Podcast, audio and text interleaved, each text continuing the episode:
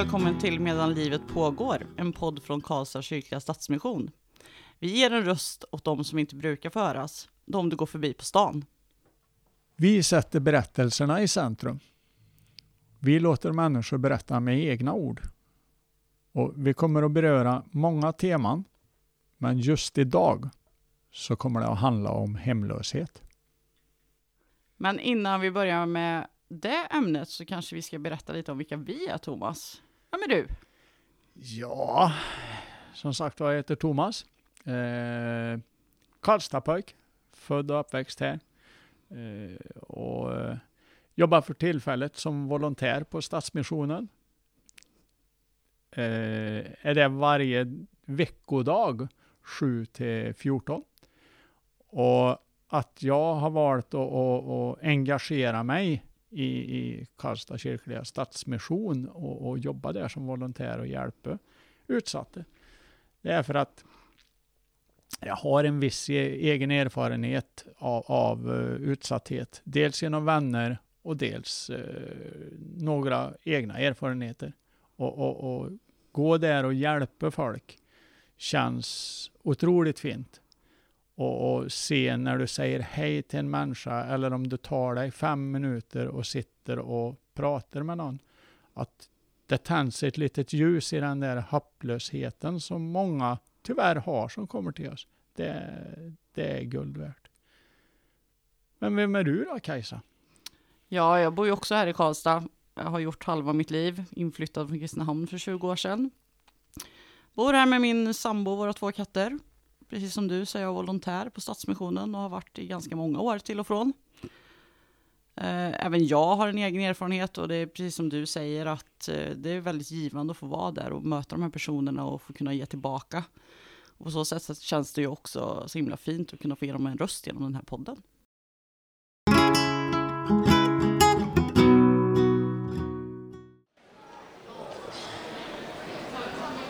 Hur många hemlösa tror du det finns i Sverige? Många kan jag tänka mig. Jag brukar ju se många som är ute och sitter och tigger om pengar så jag vet faktiskt inte hur många men jag antar att det är många. Oj. 10 000. Tror jag.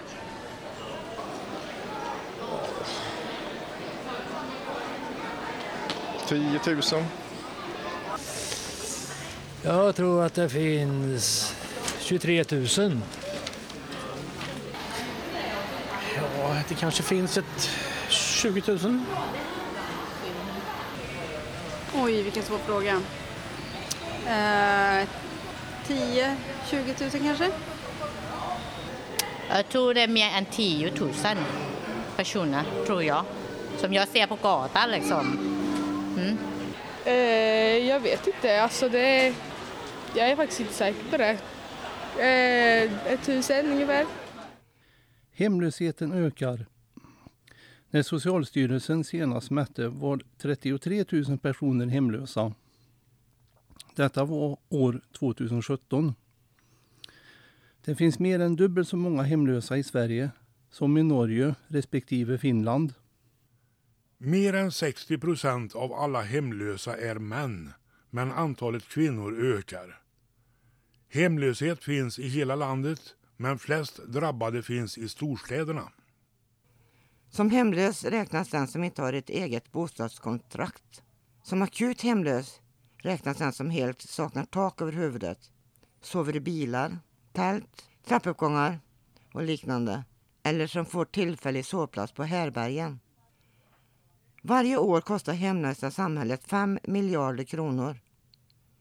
Det finns ingen nationell strategi för att motverka hemlösheten. Om vi ska gå in på dagens ämne då, Thomas. Idag ska vi prata om hemlöshet. Vad tänker du på när jag säger hemlöshet? Hemlöshet? Ja, tänker jag på någon som uh, inte har ett hem. Uh, ingenstans ta vägen förutom på stan. Trapphus, soprum. Uh, kanske till och med bara ett tält eller under en bro. Det är väl vad jag tänker på. Men jag vet ju också att det är, det är så mycket större än så. Eh, vad tänker du på då Kajsa när du hör hemlöshet? Ja, för mig har jag, jag har ju mest kommit i kontakt med hemlöshet när jag har eh, volontärat på Stadsmissionen. Och framförallt då på vintrarna med vintervärme där vi har kunnat erbjuda människor tak över huvudet när det varit som kallast. Då har jag ju sett att det finns ju faktiskt ett ganska stort behov för en så pass, ändå inte jättestor stad som Karlstad skulle jag säga. Mm. Och eh, det skapade väldigt tacksamhet i mig att jag har ett tak över huvudet någonstans att stänga dörren när det är 20 minus ute. Mm. Det tänker jag på. Ja, Kajsa, vi har ju pratat med ett par stycken här som har olika erfarenheter av eh, hemlöshet. Eh, Vad tycker du? Ska vi ta och, och lyssna på deras berättelser? Ja, men vi kan väl börja med Katarina då. Då säger jag välkommen till Katarina som är här idag. Idag ska vi prata om hemlöshet. Tack. Men du kan väl börja med att berätta lite om du är Katarina? Ja, jag heter då Katarina Andersson och jag är 57 år. I januari. Än så länge är jag bara 56. Men att eh, jag kom upp till Värmland 2007. Träffade en man på internet, gjorde jag. Och det var därför jag hamnade här. Annars så kom jag från Göteborg. Det hörs. Kört, kört buss och spårvagn i 15 år, så jag har träffat mycket folk.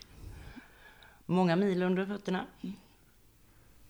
Det är väl ungefär fyra barn har jag. Vuxna allihopa. Och jag ska bli mormor för första gången. Grattis! Första maj nästa år. Så det är ganska nytt. Ja, ja, ja. Men det är ändå på gång. Hur bor du idag Katarina? Idag är jag skriven på en adress uppe i Mölnbacka. Men eh, den bostaden är så, dålig, är i så dåligt skick så det inte är bobart. Det är eh, i så dåligt skick så inte ens djur får bo där, men människor får tydligen vara det. Eh, För att jag sitter alltså och väntar på Eh, ett bostadssocialt kontrakt har jag fått igenom. Och det är tydligen väldigt svårt. Har man en massa skulder så är det svårt att få egna kontrakt. Och eh, eh, miljökontoret dömde ut lägenheterna. Så att det finns även sådana underlag på det. Beslut alltså, att de inte får hyra ut dem. Och ändå så hyrs det ut. Eh, när du inte kan bo i lägenheten, vart bor du då idag? Och jag har alltid en säng hos eh, människor eftersom jag är så snäll och hjälpsam. Så att eh, det finns många som jag får lov att komma och sova hos om jag Mm. vill. Mm. Men just nu så bor jag alltså ute i Skåre. Hos en man som hittade mig. Jag hade inte hittat honom. Och han behövde min hjälp. Och på det viset så får jag bo där. Du berättar att du nu bor hos en man i Skåre.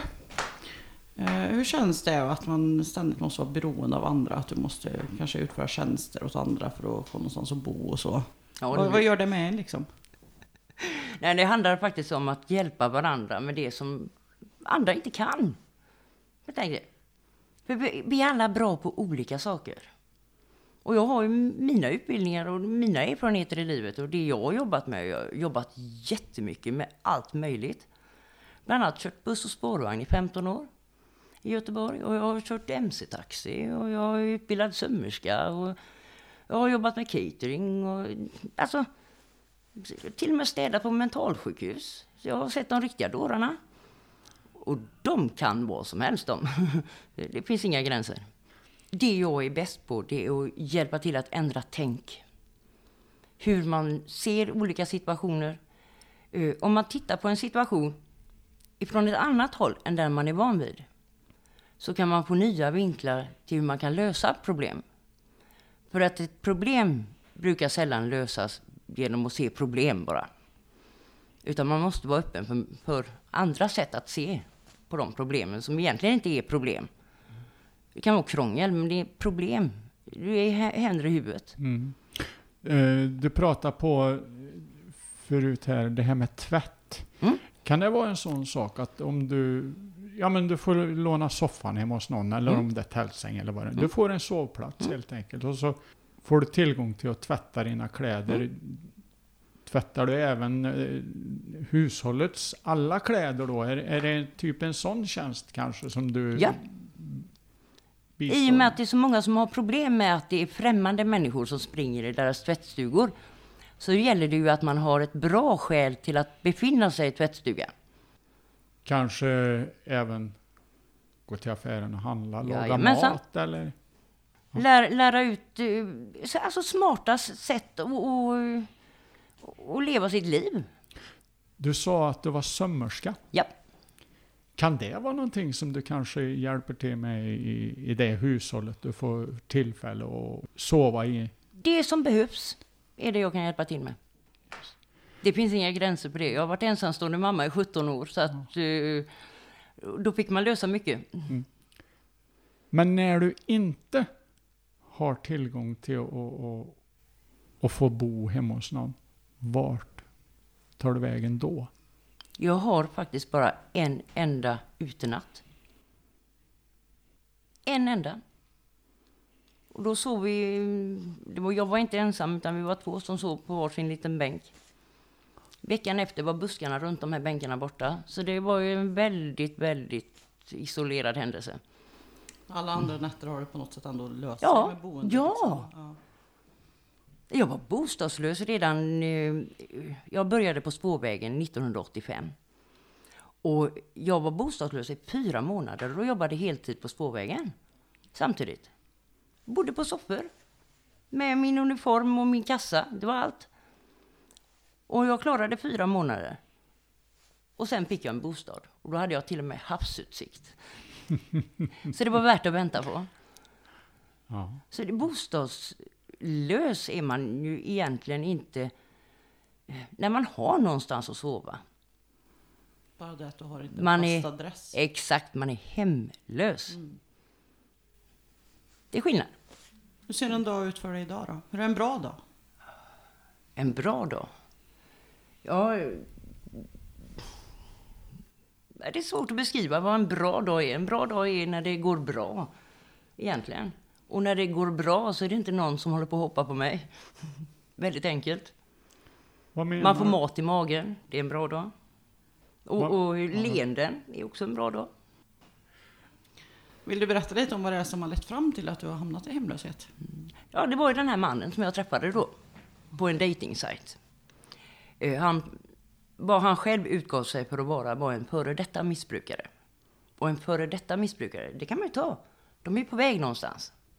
Men han var ingen före detta. Och eftersom andra visste vem han var, så trodde de att jag visste vem han var. Så jag var ju den som fick veta saker sist. Så när man väl då inser sanningen i hela situationen, då är man så djupt inne i den. Så det är inte bara att gå. Vad, vad var det som gjorde att du gick då? Vad- Det var min son som skrämde bort honom efter fem år. För jag hade inte haft förmågan att kunna gå därifrån själv. Så nedbruten blev jag av honom. Att En riktigt, riktigt stark människa kan alltså bli sönderplockad av en missbrukare på det viset i huvudet. Själv, självkänslan försvinner och allting. För de säger nämligen det de behöver för att få det de vill. Mm. behöver inte vara ett Eh. ord sanning i det, men de säger det de behöver för att få det de vill. Jag tänker hemlöshet, ingenstans ta vägen. Hur, hur löser du det här med, med hygien och så? Eller? Praktiska saker Ja, överhuvudtaget. precis. Ja. Praktiska saker som hygien och tvätt av kläder och, och ja, Det bästa som överhuvudtaget har gjorts är baby wipes. Ja men på riktigt. Ja, den var bra. Det var ett svar jag inte väntade mig. Jag fick till och med förklarat för en muslim som inte kunde tvätta sig. Att där har du Ja. en möjlighet att kunna göra det själv ändå. Ja. Även om du inte klarar av att gå. För han ville inte låta hemtjänsten hjälpa honom. Ja, men det är en, det är en fruktansvärt smart produkt. Mm. Och kan du, det du kan använda i rumpan på en bebis kan du använda i ditt eget ansikte. Så är det. Så är det, så du. Eh, Jag tänker kläder då, hur, hur löser du det? Alltså, Det mesta går att tvätta per hand. Men man får också eh, lov att få kläder. ja. Vilket är väldans tur, sa Ja. jag. Det, hade det inte varit för det så, så eh, då hade man frusit. Du säger tvätta för hand. Mm. Var, vart, vart gör man det? I ett handfat. Eller i en sjö. Eller i älven. Ja, okej. Så det är i princip där du har tillgång till vatten? Mm. Okej. Och man tvättar med olivtvål. För det är inte farligt för varken älvar eller sjöar eller... Ja, och det går att tvätta både sig själv, hår, kläder, allting. Så du är lite miljömedveten i det hela Det har jag också? varit länge. ja. Jo, men det är ju så. Man kan inte bara slarvig fast man har råkat illa ut liksom. Men om vi går tillbaka till det du berättade om när du lämnade den här mannen. Mm. Vad hände sen då? Vart, hur bodde du då? Då hade jag en eh, tvårummare på Lillängen i Skogar. Hade jag. Och eh, det gick ju jättebra. Ända tills jag behövde hjälp. Socialtjänsten har en inställning till att vi tror inte på hemmalösningar. Och jag har även hört en socialchef säga så här. Vi kan ju inte anpassa oss efter varje individ. Men då tappade jag hakan och ur munnen hoppade en groda som är Vet inte du var du jobbar?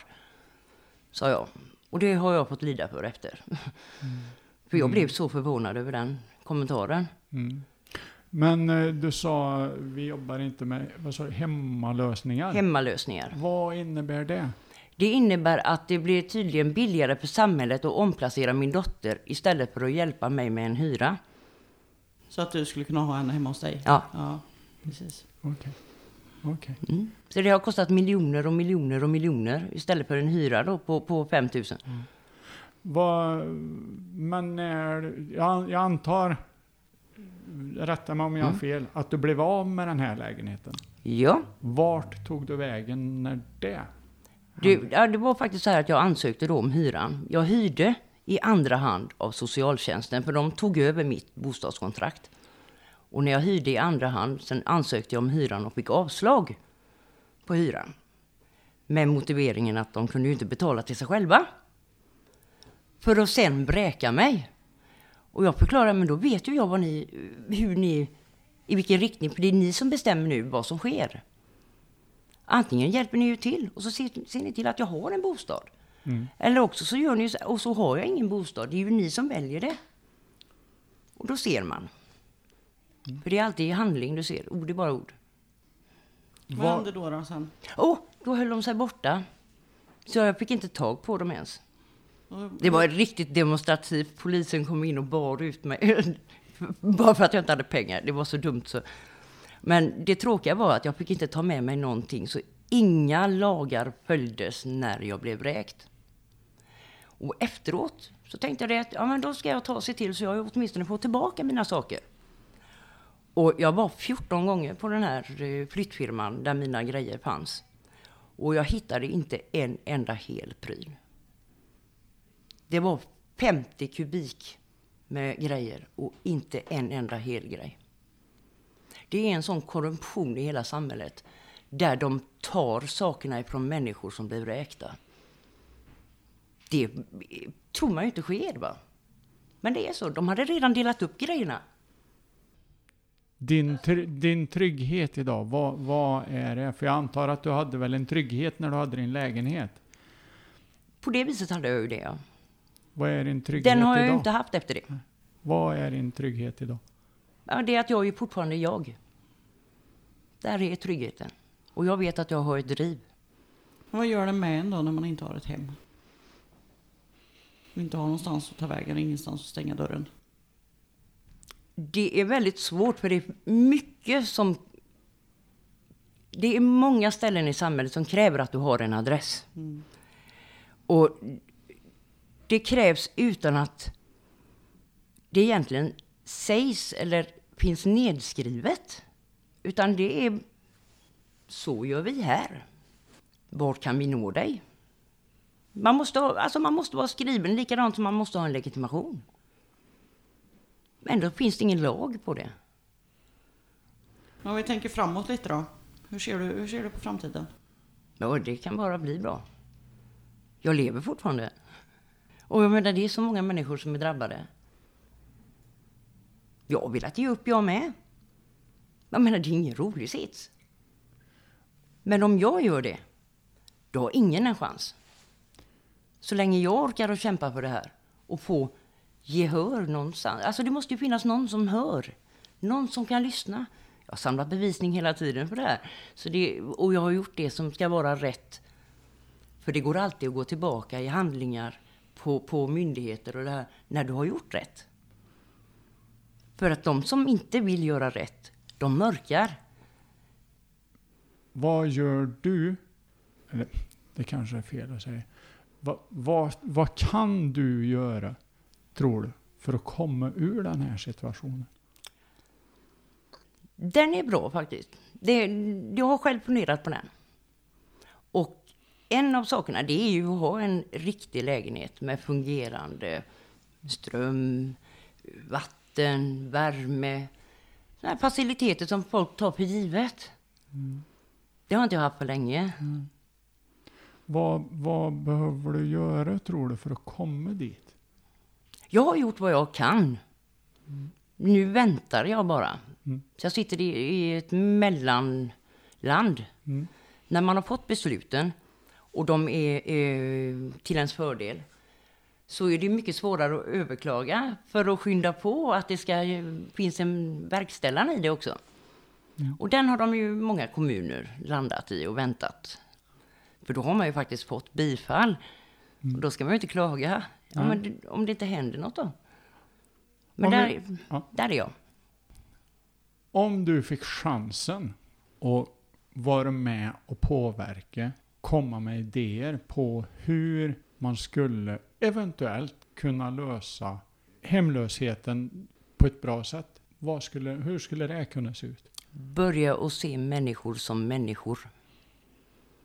Och inte som problem. Jag tror att både jag och Thomas här märker att du har ett väldigt driv. Det är tåga i dig. Var- Vart kommer det ifrån? Jag har en mamma, hon, är, hon gick bort eh, 94, bara 49 år gammal. Men hon, hennes inställning till människor är det jag har burit med mig. Och det är att alla människor har lika värde. Även alkoholister. Det låter dumt när man säger det så, men att eh, tyvärr så är det ett, ett synsätt att människor som har gett upp, det vill säga hamnar på bänken och fortsätter att sitta där, att de skulle vara mindre värda. Man, ska, man behöver inte bry sig i dem, för de bryr sig inte i sig själva. Och då är det ännu viktigare att man bryr sig i dem. Det drivet har jag fått med mig då från min mamma. Och och jag vet ju det också att oavsett hur mörk en situation än har varit. eh, De säger det är nattsvart. Nej, jag har aldrig upplevt nattsvart. Men jag har också insett det att jag bär ljuset med mig. Alltså kan jag aldrig se det helt svart eftersom det är jag som har ljuset liksom. Och eh, ibland så kan det mörkret vara så tätt så att man bara precis... Men det finns alltid ett ljus runt mig så det blir det aldrig helt svart. Där finns också det här hoppet. Och någon måste ju visa hur man ska göra för att man ska kunna göra en sak. Det du inte har fått lära dig vet du ju inte. Det, det är ju bara fantasitankar. Och jag hoppas ju verkligen att människor använder sina, sina drömmar till att fantisera ihop en bra framtid. Och inte bara vad man ska jävlas med nästa gång. Eh, jag vet ju att det finns en speciell sak du skulle vilja göra. Inte vilja göra kanske, men ja, jag har Eller fått... kunna eh, göra. Jag har kapaciteten till det. Ja, vad är det för något? Vill du berätta det? Lexikon för oförstående. Kan du vidareutveckla det? Vad är ett lexikon för oförstående? Ja, några saker som jag, för jag började på den. För det, jag tyckte det var en intressant eh, idé. Det var en vän till mig som tipsade mig om det. Du, om någon, borde skriva lexikon för oförstående. För det, folk kommer ju omkring och inte vet helt enkelt vad de håller på med. De tror att de gör en sak, men de gör något helt annat. Och oftast så är det precis tvärtom mot det vad man hade tänkt. Och eh, ja, det är där som jag säger, man ändrar tänket. Vilket jag då är, har en fallenhet för att kunna hjälpa folk med. Kan du ge några exempel på vad det Ja. lexikon skulle innehålla? Normal, det är ju bara ett tvättprogram. Och, och eh, Gud, förr fanns han ju i, i illusioner. Som brinnande busken och de här grejerna. Idag så finns han i verkligheten. Idag är det det som är det verkliga. Allting annat i, i samhället är en illusion. Och det är de verkliga handlingarna. Det är där Gud finns. Jag har skrivit ett litet häfte. Eh, Lev din sanning heter den. Och jag hoppas att den ska bli tryckt, för den är till hjälp att kunna läka en barndom. Så man, jag har träffat människor. Jag trodde själv att jag hade haft en taskig barndom. Okej, den var brutal på vissa sätt. Jag var 26 år och gravid med mitt tredje barn när min pappa han slog mig sista gången. Det, det, jag har inte anmält honom för det. Men min barndom har ändå varit enkel jämfört med många andras. Som jag har fått ta till mig. Mm. Det är många som berättar sin livshistoria för mig. Eh, Du sitter ju med ett häfte där Katarina med saker som du har skrivit.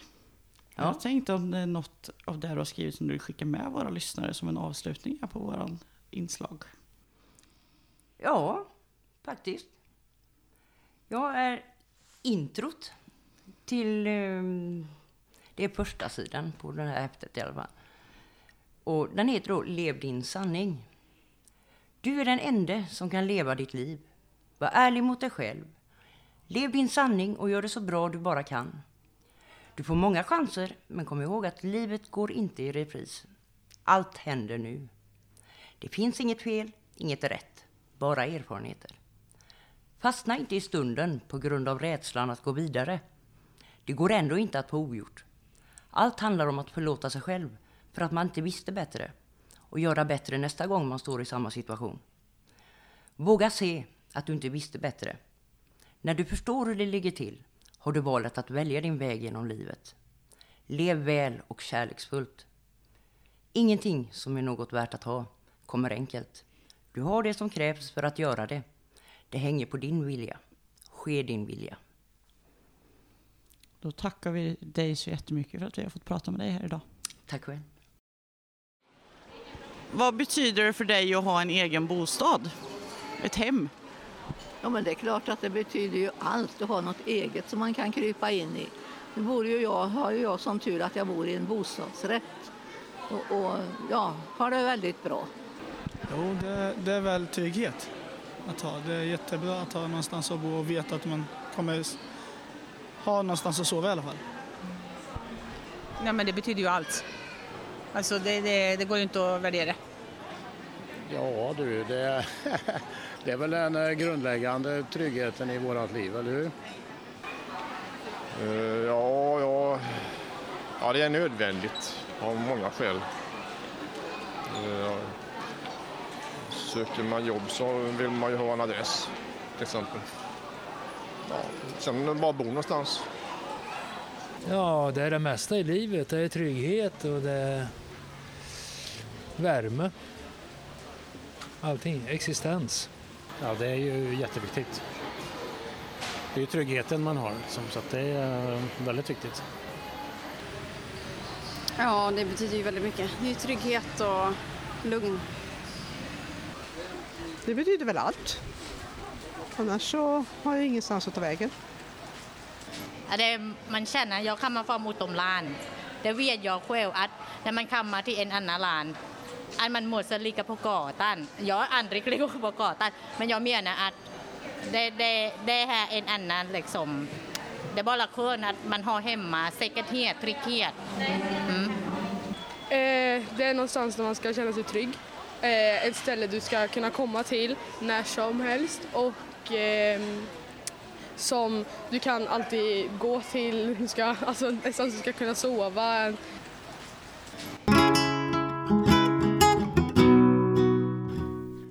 Välkommen säger jag nu till Johan som sitter med oss här idag som vi ska prata med om hemlöshet. Hej Johan! Hej. Eh, Kan du berätta lite snabbt vem du är? Ja, Johan heter jag. Eh, Jag har ett efternamn också. Eh, Men jag är 45 år. Alldeles strax 46. Tre barn. En liten knodd på gång. Som ligger på bakning. Kul, grattis. Tackar, förresten. tackar, Ja. tackar, tackar. Eh, var bor du idag? Jag bor i Karlstad. Och eh, jag, har, jag hyr ett eh, rum hos ett sällskap eh, eller en förening. Typ som ett kollektiv kan man väl säga. Mm. Det finns fem rum att hyra och jag har, har ett av dem. Så du har alltså inget eget hyreskontrakt? Nej. Nej. Eller ja, i den här föreningen så har jag ju ett eget kontrakt liksom. Men det är ju, ja, det är ju akutboende eller vad man ska kalla det. Eh, där man blir inplockad i stort sett ifrån gatan liksom. Eh, men det krävs ju det är vissa kriterier. Så du måste ha en önskan om att få ordning på livet. För att du ska ha någon möjlighet att bo där. Då, där, då. Du säger att eh, i princip blir inplockad ifrån gatan. Så innan du fick möjlighet att komma dit så vart Mm. bodde du då? Mm, jag hade nästan precis blivit utkastad. Jag har hyrt ett eh, hus ute på landet. Men har... eh, jag är missbrukare, nykter sådan, nykter beroende. Eh, men eh, för lite mer än ett och ett halvt år sedan. Hade mer, ja. Mitt missbruk kulminerade lite grann 2019 med var totalt likgiltig inför livet. Mm. Eh, och uh, hamnade då, först så var det ute i skogen liksom, men ja. Det, sen blev det bilen så. Eh, men det gick ganska fort att eh, komma in hos det här sällskapet. Utav en vän till mig. Som i stort sett plockade, plockade in mig direkt. Mm. Mm. Eh, du sa att det blev först skogen och sen bilen. Mm. När du bodde i skogen, hur, hur länge bodde du i skogen? Ja, och var inte- hur bodde du? Ja men det var ju mer att jag bodde, hu- huset låg ute i skogen. Så det, Ja, ja, okej. inte så mycket. Men, men bilen då, om vi går dit då, hur, Mm. hur länge bodde du i bilen? Det är heller inte mycket. Jag har bott av och till i bilen även i eh, tillfrisknandet. Eh, när jag valt att ta återfall. Eh, så jag har liksom inga problem att gå utanför off-grid som är så populärt nu. Men det finns en längtan ut. eh, till att inte höra hemma någonstans. Eh, det finns en längtan efter att eh, kunna klara mig själv. Så, helt själv. Inget mat lagad, inget vatten, ingenting. Så, ja. så där, i missbrukar Johan är en helt annan så. Back to basics. Ja, back to basics. Verkligen. Eh, Kan det vara så att det till och med finns en, eh, en längtan efter att liksom stå, stå utanför samhället lite? Precis, precis. Och där tror jag, den kan nog kännas igen hos fler än mig. Som sagt, den aktiva missbrukaren Johan, han, det är, det är bara glädje liksom och kicksökande utifrån det där och få supa eller knarka själv utan att någon lägger sig i. Eh, Men nu, det, det är även nu i nykter tillstånd som jag, jag har en längtan ut till att bara ha min ryggsäck och klara mig med det. Frihetskänsla. Fri, frihetskänsla, ja precis. Den känslan försöker jag omfamna och ta hand om på rätt sätt. Eh, för det är någonting som jag, nej men jag vill ha det som uttryck. Så. Men det är väl kanske mer, ja men ut och campa då med barnen och grilla korv. Så eh, behöver inte vara så extrem. Men i vissa lägen så är jag extrem, så är det bara. Om jag går tillbaka lite till det här med att bo i bilen. Mm. Ehm, hur funkar det rent praktiskt? Hur löser man sådana här eh, praktiska saker som hygien, tvätt? inte tvätta sig, inte eh, tvätta kläder eller ja. Och det är väldigt skönt. Och kroppen mår väldigt bra utav det. Det här moderna påfunnet att man ska duscha en gång per dag. Det, då ska du bo i skogen liksom. Så. Eh, då är det hälsosamt för dig. Och man blir ju sjuk. Om du har bott så ett tag och kommer in och får duscha, då blir du sjuk på grund av alla bakterier och sånt där som finns Mm. i en stad till exempel. Eh, så svar på frågan. Bor man nära en camping så kan man gå dit, duscha eller ja, tvätta av sig lite. Så det går. Inga problem. Men det går också alldeles utmärkt som sagt. Och skita i det. Jag tänker på det, berätta lite vem du var här i början, så berätta Mm. att du har, det, tre barn. Mm. Ja. Hur har det funkat? Hade du barnen när du bodde i bil om man säger? Nej, nej för fan. Eh, nej men alla mina tre barn, de har, de har inte varit med mig i mitt missbruk överhuvudtaget. Okej. Eh, jag har varit helt solo i det. Överallt där jag har bott. Jag har varit sambo, jag, ja, haft egen, eget litet hus då som sagt. Och, eh, men det var inget eget kontrakt, det var min syster som ägde huset. Så, ja. så därav varför jag fick hyra det. Nej, så barnen de har aldrig varit en del utan de har bara fått det berättat för sig utav mig. Att jag är beroende. Ja. Jag är alkoholist och narkoman. Och det kan ju vara väldigt svårt för ett barn att ta till sig. eh, bara med ord. Och, eh, mm. Men jag är väldigt tacksam att jag har gjort som jag har gjort. För jag, det finns så oerhört många barn som lider i det tysta med missbrukande föräldrar på hemmaplan. Det ser jag nog som en framtida vision och mission för min egen del att få hitta ett utrymme för dem. Men att nå ut till de här, hur ska man få, barnen, det går ju att se i skol, skolan sådär, ja men här har vi kanske ett barn som, som är utåtagerande och ja, men någonting fel är det. Elevassistenter, åh, många fler.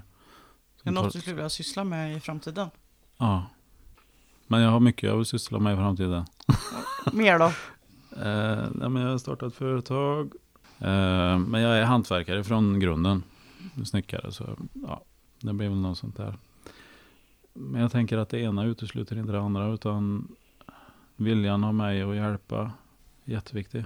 Som det här företaget till exempel. Jag skulle vilja bruka tillfrisknande beroende och se det som en chans för dem att få ett arbete, bara en schysst timpeng liksom. Och, ja, men idag orkar jag bara jobba en timme. Ja, ja, varsågod. Måla ett rum, klart. Mm. Så får man känna att man gör någonting och inte bara ligger på sängen eller sitter och kollar på tv eller vad fan nu är. Så man får något vettigt att göra. Som känns meningsfullt så att man kommer tillbaka ut i samhället. Sakteliga. Det måste gå. Nej, nu är det ett måste här men det behöver att gå långsamt, långsamt. Hur ser en bra dag ut för Johan idag då? Ligger i sängen och tittar på tv. Eh, nej men jag har, jag har jättemycket att göra.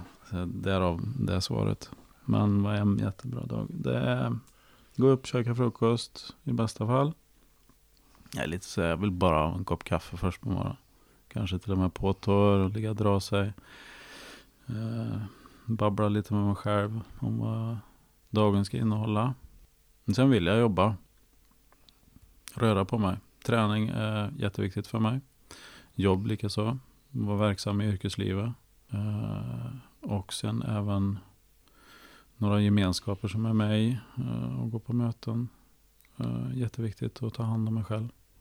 Så ja, hur ser en bra dag ut för mig? Det, tar jag hand om mig så är jag nöjd. Mm. Och det innebär träning, jobba, vara med mina barn. Eh, eh, när jag är med mina barn, de håller på med idrotter, så då får jag liksom en, en mikrostund med dem sådär. För de är så ja, aktiva i föreningslivet. Så när jag skjutsar på träning eller hämtar från träning, då får jag 10-20 minuter där med dem bara själv. Helt själv i bilen. Och det är så njutbart. Och nu när corona är slut så får jag även vara med och och kollar på träningar. Och jag är engagerad också såklart eh, som förälder. Men även i föreningslivet där. Så att få vara med där, det är en ynnest. Låter som att det är viktigt för dig att ta hand om både kroppen och själen. Ja. Mm. A och O Mm. för mig. Även nära och kära. Mm, de följer med. Eh, tar jag hand om mig själv så följer de med utan att de vet om det och utan att jag vet om det. Det är ringar på vattnet. Mår jag bra mår alla bra runt omkring mig. Hur ser en dålig dag ut för Johan då? Då super jag till. Nej, eh, stress.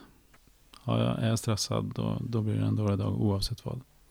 Väl- Återigen, väldigt basic grejer.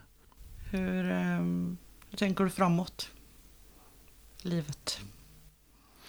Jag har en jättefin kontakt på Karlstad kommun. Min eh, socialsekreterare. Han är fantastisk. Eh, så otroligt fin människa och lyhörd och ja. Eh, han försöker hjälpa mig så jag får en, ska få en egen lägenhet. Jag tänker att jag ska börja där. Egen lägenhet där jag och mina två söner kan flytta in. Mm, och jag får tillbaks vårdnaden för mina barn. Alltså de två. Och uh, får tillbaks uh, varannan vecka. Att jag har dem ena veckan. Och Delad vårdnad. Ja, precis. Just den närmaste, närmaste halvåret. Vi, jag och min nya partner. Nej men vi, har, vi, vi vill ju flytta ihop såklart. Vi ska ha ett barn tillsammans. Och, men det, det fina i det, det är ju att vi är trygga i det. För hon gör sin resa i livet och jag gör min resa i livet. Och det här behöver jag jobba med för att jag ska kunna ha ett liv. Där jag tar ansvar och ja, det är med i matchen. Så vi vill ju dela livet tillsammans. Eh, Så ett litet hus någonstans. Inte i centrala delar av någon stad utan lite mer ute på landet. Och, ja, Vad tror du du skulle behöva göra för att komma dit? Fortsätta som jag gör. Fortsätta tro på mig själv. Uh, fortsätta ta mina dagliga beslut. Uh, jag tror på någon vänster liksom. Eh, gör jag bra saker så händer det bra saker. Det är bara så. I, i mitt tillfrisknande sen ett och ett halvt år tillbaka så det, det händer så bra saker hela tiden. Ibland är de skrämmande. Som det här. Nej men det är så enkelt egentligen. Det, gör jag bra saker då händer det bra saker. Du pratade lite om det här med att stå utanför samhället lite grann. Att det kan vara en liten självvald del hos dig. Mm. Eh, Vill du utveckla det lite? Berätta lite mer om det. Vad du tänker om det. Jag, jag vet inte riktigt vart det kommer ifrån. Om det är var jag är uppväxt, hur jag är uppväxt. Eh, det kittlar att leva i skogen. Sådär vildmarksmässigt, verkligen vildmarksmässigt. Nej men som sagt, jag, är född och uppvuxen i, i en liten by långt upp i norra Värmland. Eller inte så jättelångt, men ja, upp i skogen. Uh, alltid haft nära till jakt och fiske. Och det finns en frihet i skogen, i naturen ska jag säga. Jag gillar lika mycket kust och vatten och hav. Av någon konstig anledning. Men, ja. Jag är en naturmänniska. Lite Det kanske- Indiana Jones över dig. Oh. det, ja, den, han går jag igång på. Det gör jag. Absolut. Ja, det är äventyrligt att leva i naturen. Det är det. Eh, när jag gjorde lumpen, det, ja, jag älskar det där att vara ute i fält liksom. Eh, och du har knappt med mat och du hämtar ditt eget vatten i en bäck. Och, ja, det, det kittlar mig.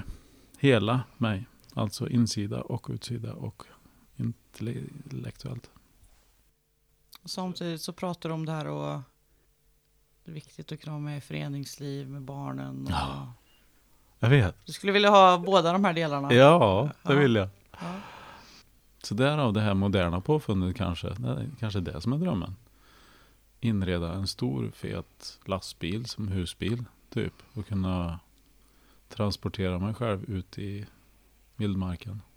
Men ändå ha bekvämligheter, jag vet inte. Självvalt. Så, på någon vänster. Ha ett hem men ändå kunna bo var Ja, man vill. det, det kanske det är väl det jag har som vision för mig själv. Att jag, jag jobbar de timmarna som jag verkligen behöver. Jag har kommit ifrån den här hetsen, jakten på pengar. Eh, den har varit jättestark hos mig förut. eh, när jag var yrkesverksam.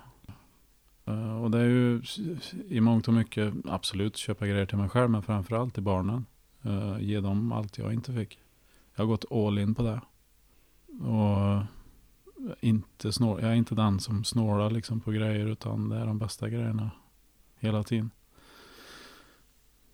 Har det varit Och- viktigt med dig för med, alltså, med en yta, med en fasad eller? Ja, på sätt och vis har det väl blivit så, men det är inget medvetet direkt utan med aktiviteter som vi har hållit på med, alltifrån motorsport till fotboll, hockey, så det kostar satan alltså med sådana grejer. Uh, ja, visst, du kan köpa en importerad sak som är gjord av plast, men det håller ju tre minuter. Så det är mer, det är mer det jag och det lever kvar i mig än idag. Liksom, att jag går inte och köper en skitryggsäck för 100 kronor. Utan jag kollar på kvalitet, jag jämför. eh, och jag vill ha bra grejer ifrån start. Då håller det längre. Och ska jag då leva off-grid-livet liksom självvalt i naturen. Då måste det vara bra, bra grejer. För annars dör du. Mm. Så enkelt är det. Och, och leva hemlös i en stad. Det har jag inte riktigt gjort, men överlevnadsstrategier. Det är väl någorlunda lika, kan Mm. jag tänka mig. Mm. Om vi ska fortsätta lite på det här med hemlöshet. Du, Mm. du pratade om att du förlorade din, din stuga. Mm. Hur, hur kändes det? Hur var den upplevelsen? Jag var fullt aktiv missbrukare då. Eh, så någonstans så var det jättehemskt, såklart. Men på samma gång så var det en befrielse, typ. På vilket sätt då? Nej, men utifrån just situationen, familjesituationen då, så blev jag helt utesluten liksom. Där jag i stort sett bara fick ta hand om mig själv. Jag fick supa i fred, jag fick göra vad jag ville. Mm. Jag hade sagt upp mig från jobbet själv några månader innan för att kunna vara i fred helt enkelt. Slippa ta ansvar. Ja. Vad skulle det betyda för dig att ha ett eget hem? Mm, det är en fråga som jag tänkt på och ställer mig av och till. Det enda som betyder någonting är jag och min relation med mina söner. Det är det viktiga. De är ju hos mig där jag bor nu. Visst, det är omständigt som tusan. Men eh, det blir nog något helt annat om jag får tillbaks vårdnaden och får leva med dem på ett annat sätt. Mm. Nu är jag mer den som sköter servicen. Jag skjutsar dem hit och dit och vrider och vänder på mitt eget liv för att få för att underlätta liksom för Mm. den ensamstående mamman. Mm. Mm. Hur vill du bo då Johan? Jag är nöjd om jag får en tvåa, trea. Det vore underbart med en trea så pojkarna får ett eget rum och även jag. Men så, återigen, jag är jätteenkel i det. Har inga materiella behov så. Jag, mer än att det ska vara bra grejer. Helt enkelt som jag sa förut. Det är väl den första delen som jag har som mål. Så. Att få ihop ett boende för mig och sönerna. Mm. Mm, men sen kan vi ju dra iväg liksom. Oh. Ett hus någonstans där. Ja, jag vågar inte ta på den än riktigt. Men, ja. Om du eh, skulle skicka med våra lyssnare någonting. Mm, Är det något du har på hjärtat du känner du skulle vilja skicka med dem? massor. Men eh, enklast möjligt tänker jag.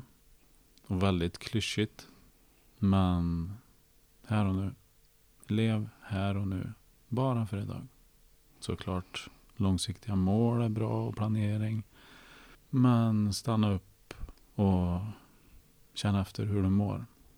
Bra eller dåligt spelar ingen roll. Men känn efter vad är det kanske ta några andetag och vara här och nu. Då säger jag stort tack till dig Johan för att du kom hit eh, till oss och berättade din historia. Tackar, tackar. Tack. Känner du någon person som är hemlös? Nej, tyvärr inte. Det gör jag inte. Ja, det gör jag. Och det gör ont. Jag har jobbat i kriminalvården i 43 år, säger jag. Mm, mycket. Eh, nej, jag har inte de, de, de, de kretsarna. Har inte jag. Inte för närvarande tror jag, men jag har gjort. Mm, nej, det gör jag inte. Ja. Nej, det gör jag inte.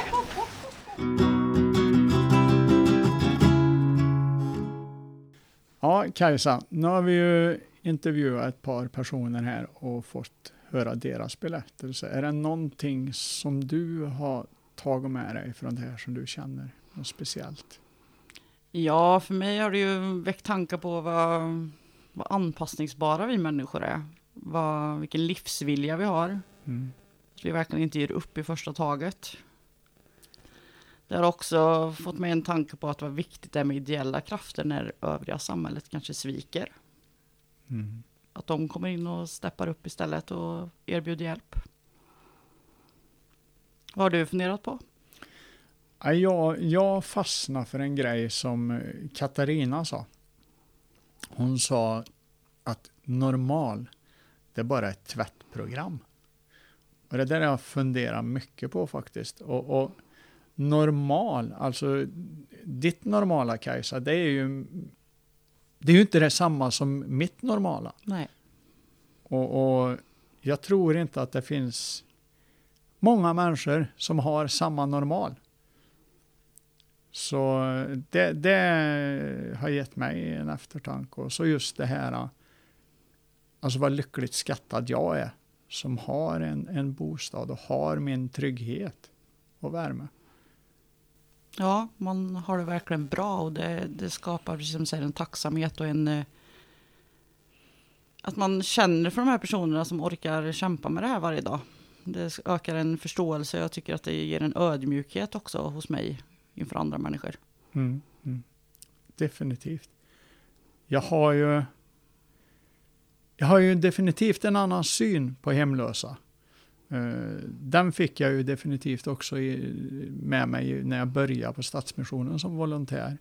Där börjar man ju på att få lite mer förståelse för att, ja men, Kalle som ligger på parkbänken där, alltså det kanske är en jättefin människa som bara haft oturen, det har gått illa för honom. Alltså han har inte kunnat påverka det själv, men hamnar där.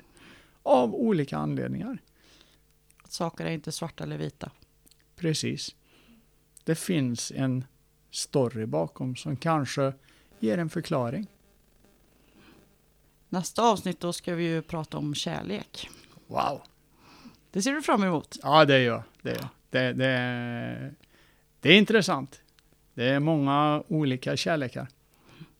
Så det ska bli riktigt kul. Faktiskt.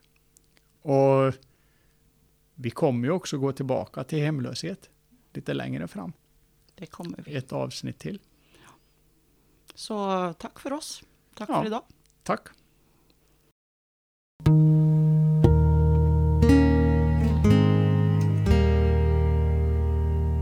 Avslutningsvis ska vi höra en dikt med och av Martin som handlar om hemlöshet. 2018, 12 i femte. De vilsna. Sången, musiken i natten. Månens silvervita ljus. Sången, musiken, nattens smekande hud. Sammetsmjuk. Sången, musiken, silvervitt ljus. Tröstar de vilsna. Utan hem, utan hus. Vandrar på gator, vandrar på torg. Söker vägen hem, hem i solens guldgula ljus.